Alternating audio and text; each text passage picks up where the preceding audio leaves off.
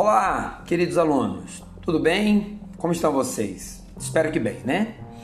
É, estamos aqui em mais um podcast para tratarmos é, agora de um assunto de literatura. Esse é o nosso podcast número 1 um de literatura do terceiro bimestre.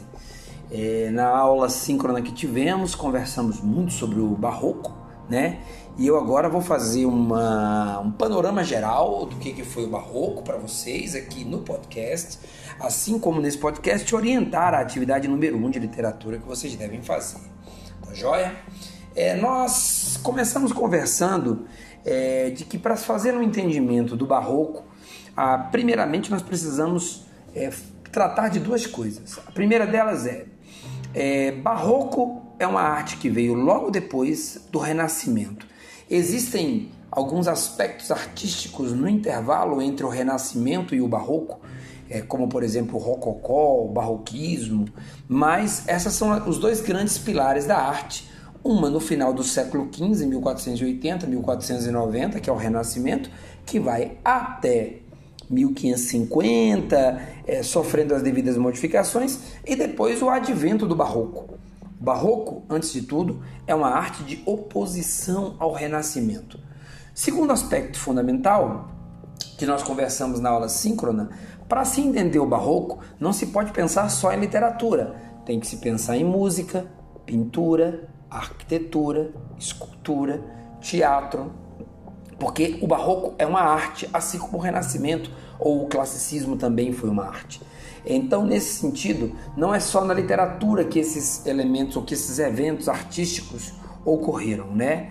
É, a palavra barroco, só para retomar com vocês, lembrem-se, ela é uma expressão muito famosa, hispânica, barroeco, né? Que significa pérola de forma irregular.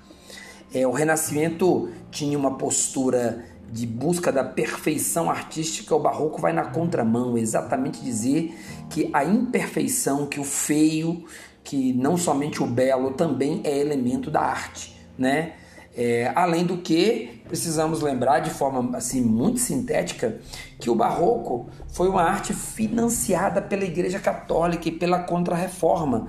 Então todo o barroco vai ser muito religioso em detrimento do paganismo do Renascimento, né? Você vai ter uma visão mais antropocêntrica lá no Renascimento, enquanto você vai ter uma visão mais teocêntrica no barroco. Mas o barroco também é uma arte tão contraditória que essa visão teocêntrica, essa Deus no centro das coisas por conta do investimento que a religião fez no barroco, vai acabar não dando certo. E muitos dos valores burgueses da época, o amor carnal, o dinheiro, a posição social, fizeram com que esses é, artistas do barroco se vissem diante dos grandes dualismos.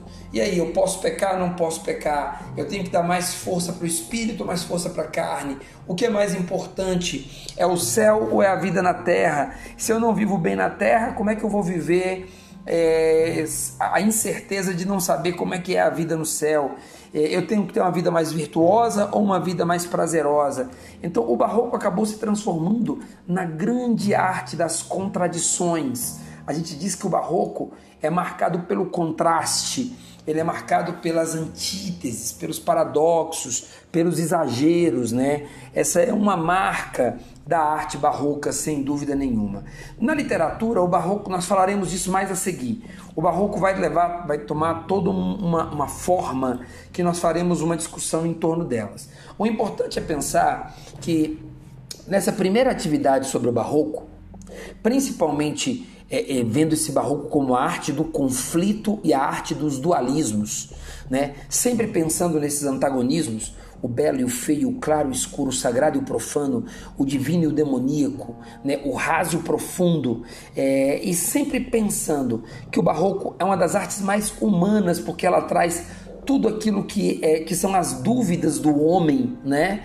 Vocês vão poder observar na atividade uma das telas mais fundamentais da, da, da, do barroco, que é um jogo de luz, de, de, de luz e escuridão muito bonita, em, é, num quadro de Caravaggio chamado A Prisão de Cristo. Eu quero que vocês vejam muito bem essa tela.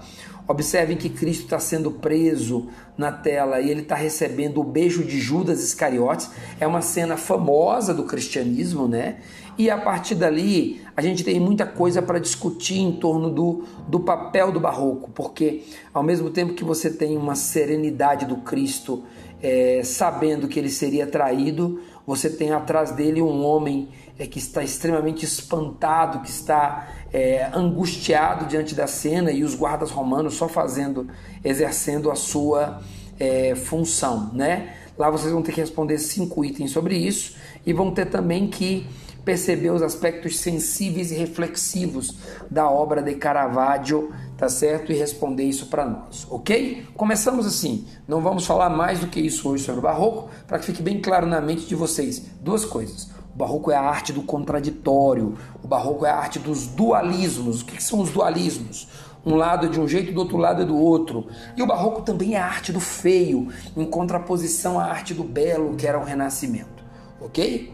Grande abraço para vocês e, e sempre que possível ouçam o podcast para poderem guardar e conhecer mais esses assuntos.